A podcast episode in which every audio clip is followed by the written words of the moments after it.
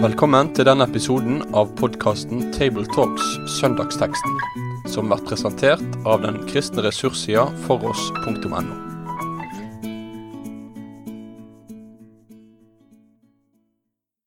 Da ønsker jeg oss velkommen til en ny episode av Tabletalks fra gruppa som er i Rogaland.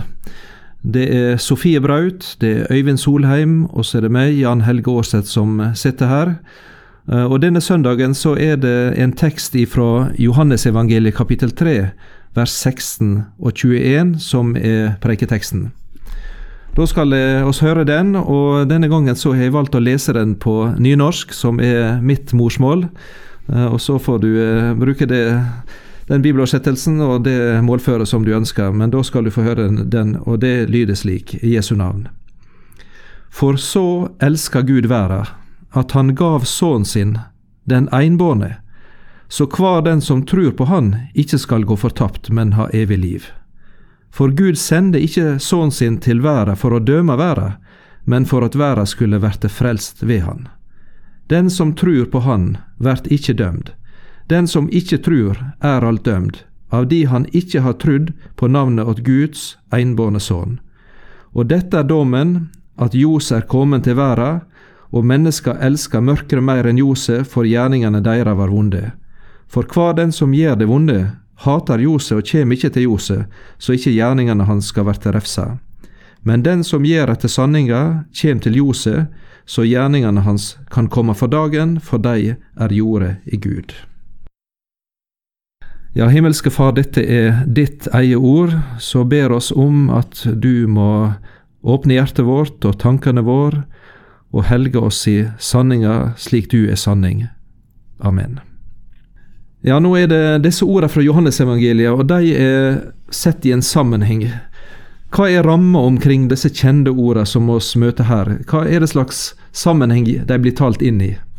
Ja, Det er jo eh, samtalen med Nikodemus som Jesus har, som er rammen og sammenhengen dette eh, lyder i. Eh, det er Nikodemus, den lærde og rike og mektige rådsherren som kommer til Jesus om natta, står det, og, og, og vil samtale med Jesus. Det er det som er på en måte rammen rundt dette. Og Her fører da Jesus samtale med Nikodemus, som kommer, og han prøver uh, å hjelpe Nikodemus, slik at han kan finne fram til livet og til tru.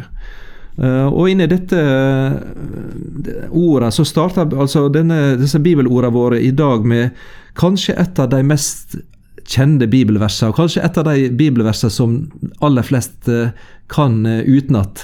Sofie, jeg vet ikke om du har hva tid, Kan du huske når du hørte disse versene sist? Ja, De lyder jo eh, ved dåp og i mange sammenhenger, så det er jo virkelig en, en plass der en har mulighet for å ja, få den kristne tro oppsummert på en veldig kortfatta måte. Eh, og det er så viktig å ta vare på sånne, sånne kort, kortfatta og samtidig veldig dype uttrykk for hva troen vår egentlig handler om. Så her kommer vi midt inne i kjernen. Eh, hver den som tror på Han, ikke skal gå fortapt, men ha evig liv. Altså Det er et alvor over det òg. Eh, det med fortapelsens mulighet, og samtidig så blir det pekt ut en veldig tydelig vei eh, vekk og ut av det. Så det, det er det er egentlig sterkt. Og av og til er det jo sånn med veldig kjente ord at en kan venne seg så til det at en nærmest blir litt Glemmer litt hva som ligger i det. Men det er kanskje et poeng i at en også i dag, eh, når kunnskapen ikke er like stor som før, at en fra preikestolen kanskje kan oppfordre de tilhørende å lære bibelord utenat. Og kanskje dette vil være et av de naturlige ordene som en, en bør kunne da. Ja, absolutt. Jeg tenker det, det, å oppfordre til å lære seg ord utenat er et kjempeviktig verktøy. Jeg tror det der med hva en har på hjertet, det, det å ha det med seg der, og at ikke liksom alt, eh, alle ord bare liksom eksisterer en eller annen plass, men at en faktisk kan ha noe med seg som en mediterer over, og som dukker opp i sammenhenger der en virkelig trenger et ord. Det er kjempeviktig.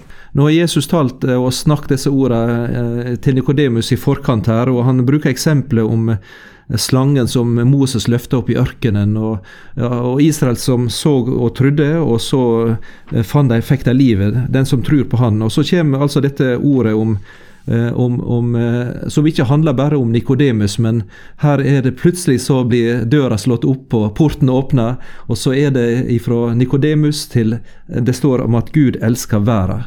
Eh, og når eh, han tenker på verden, eh, da må en vel si at det er verden og det som er i den? Ja, Det må jo bety at det er alle, alle, alle mennesker i hele, hele, verden. Og det er, jo, det er jo noe av det som er sterkt med det som står her om at Gud elsker verden. Jeg har smakt litt på det ordet 'elskverdig' i det siste. Og, og og vi kjenner alle til mennesker som, som, ikke er vanskelig å bli glad i. Altså, du, du, merker at det er godt å være sammen med dem, de gir deg nytt mot og nye krefter. og Det er ikke vanskelig å være glad i dem, det ligger litt i dette ordet 'elskverdig'. sant? Eh, men, men når Gud elsker, når Jesus elsker, så elsker han ikke bare de elskverdige, men han elsker alle.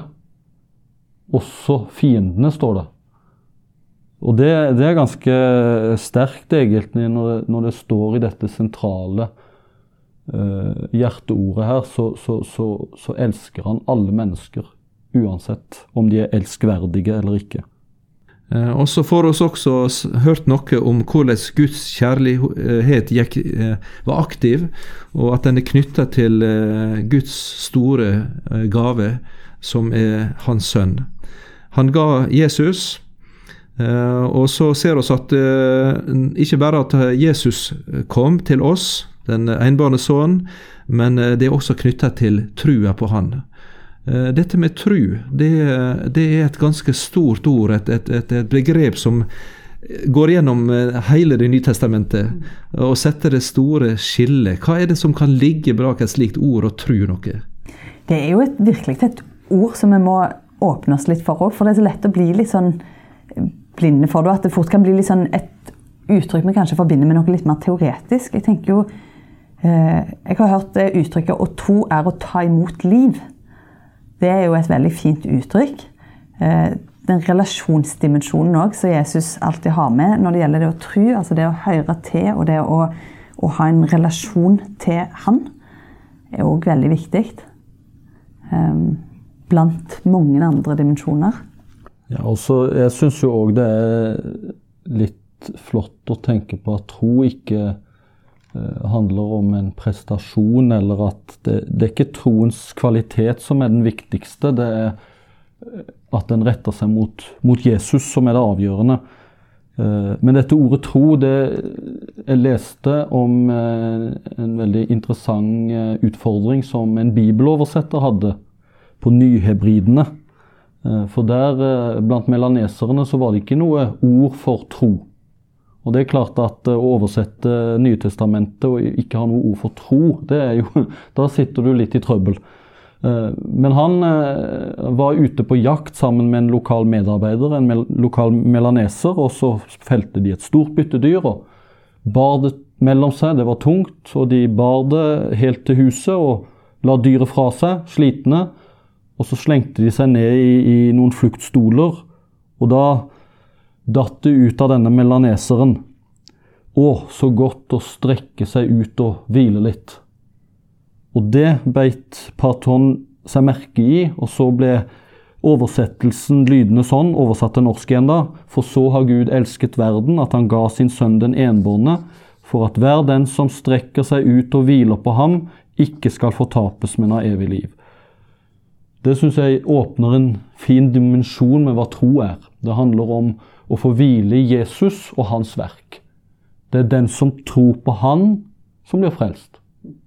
Den som har Sønnen, har livet. Så trua er altså ikke en prestasjon eller noe som en skal lykkes i å få til, eh, men den er retta mot Jesus, sier du her. Eh, og Da betyr det vel også at eh, dette med tru, det har noe med kjennskapen til en person å gjøre. Eller jeg kan godt si det har noe med vennskapet til han å gjøre. Eh, og dette å bli kjent med han og få tillit til hverandre.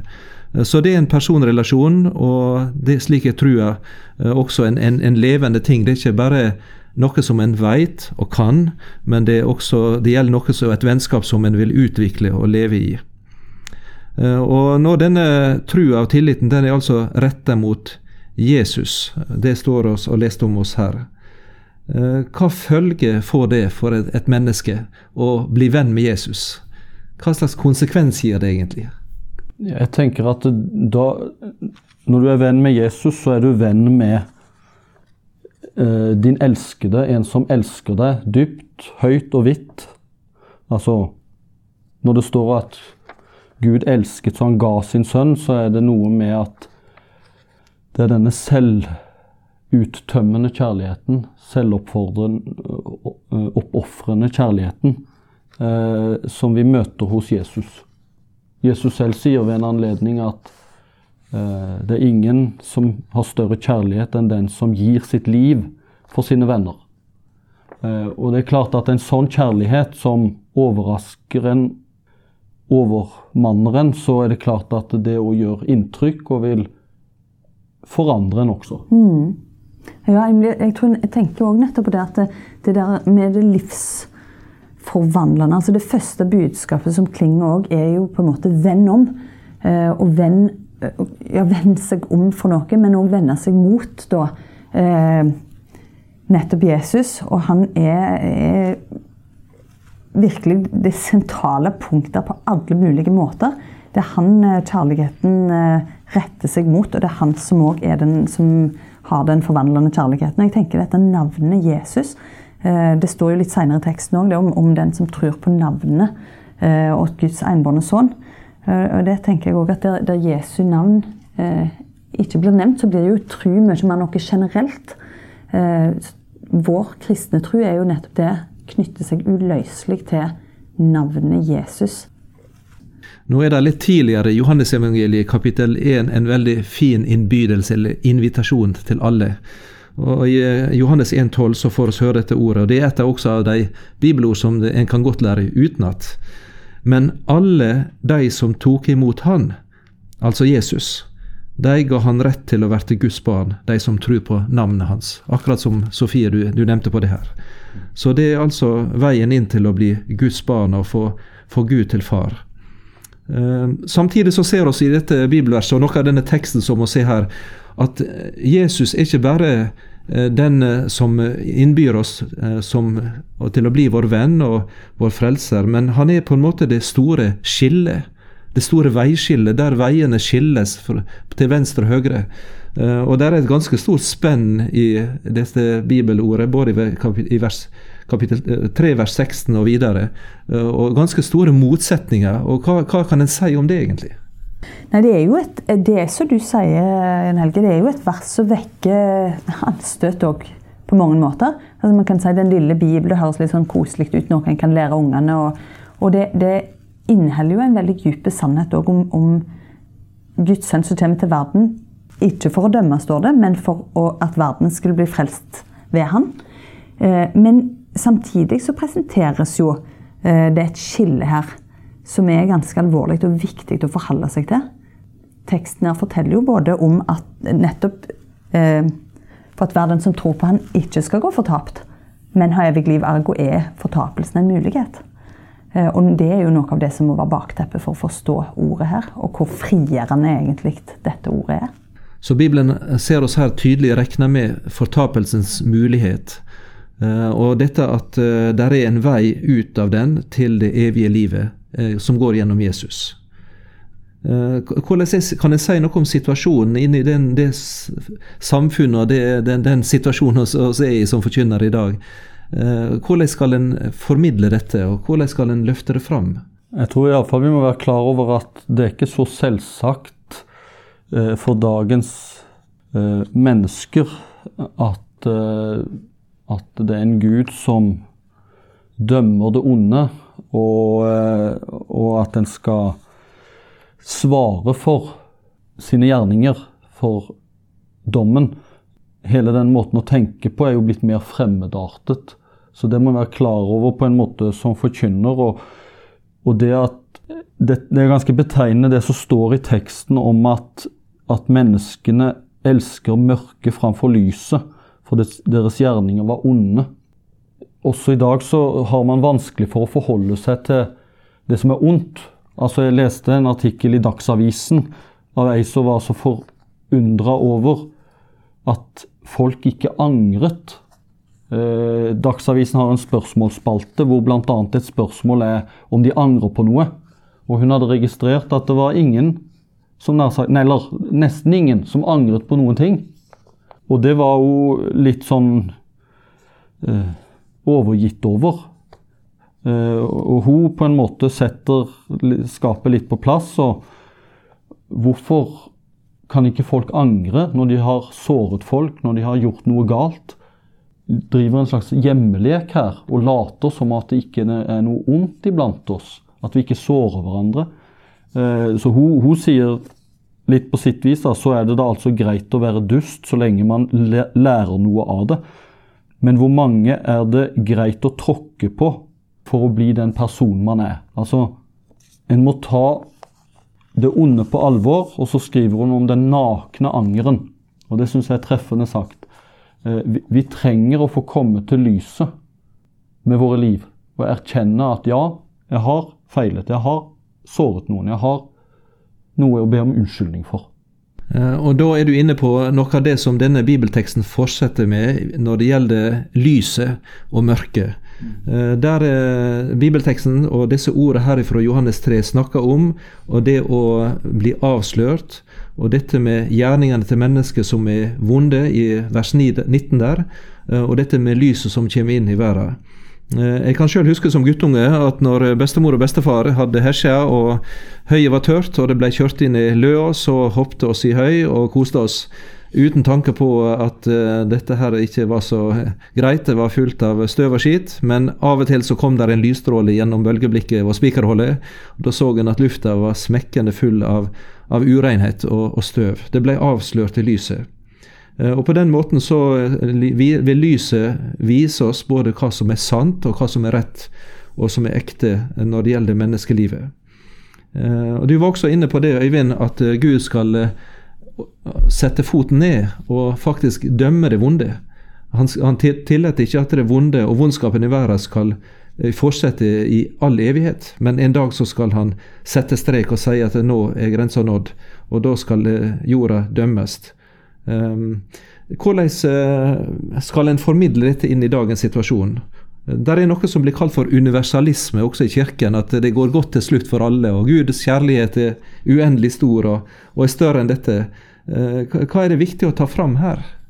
Jeg tenker iallfall det rent store å si, Hele populærkulturen alt bygger jo opp under dette. at det det er så fint med alt som er happy ending og alt som går bra til slutt. Og, og, og få følge av denne holdningen om at det er ikke så nøye.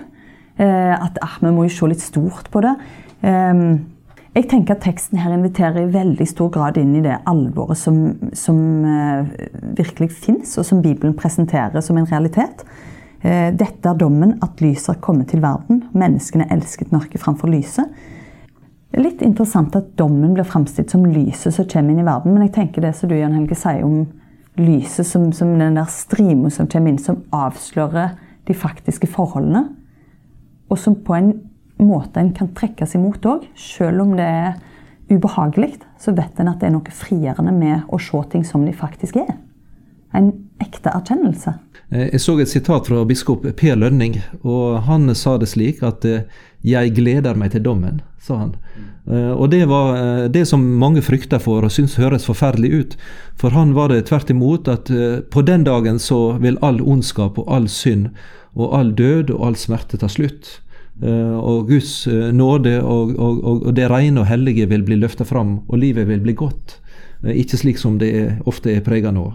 Ja, Det er jo på en måte å ta både ondskapen og menneskeverdet på alvor. Det at det skal et oppgjør. At en må stå til ansvar for det en har gjort mot mennesker. Men så er det jo et dobbeltspor her i, i, i teksten, og som vi som forkynnere hele tiden må ha med oss. Eh, kirken bekjenner at Jesus skal komme igjen for å dømme levende og døde. Men her er jo noe av hovedpoenget til Jesus at han ikke er kommet for å dømme verden, men for at verden skal bli frelst ved ham. Han er kommet nå inn i tiden for nettopp å berge oss, eh, fri oss, tilgi. Eh, elske like til det å gi livet sitt, ta ansvaret for synden, nettopp for at han skal kunne berge, utfri, frelse og tilgi. Det er nådens tid nå, og det er nå på en måte eh, han går rundt som den gode hyrde og elsker folk inn i sitt rike, tilgir dem. Han er ikke kommet for å dømme, sier han, men for å frelse. Så det er en sånn åpen, inviterende holdning. Men han tar jo eh, ondskapen på alvor og sier at, at, eh, at, det kommer en dag da dommen skal, skal, skal lyde. Eh, og Hvis en eh, tenker på et bibelvers fra Johannes sitt første brev, kapittel 5, så framstiller Johannes dette evangelisten veldig enkelt når det gjelder livet med Gud. Der sier han det slik i 1. Johannes kapittel 5 vers 11-12. Og dette er vitnemålet at Gud har gitt oss evig liv, og dette livet er i Sønnen hans. Den som har Sønnen, har livet.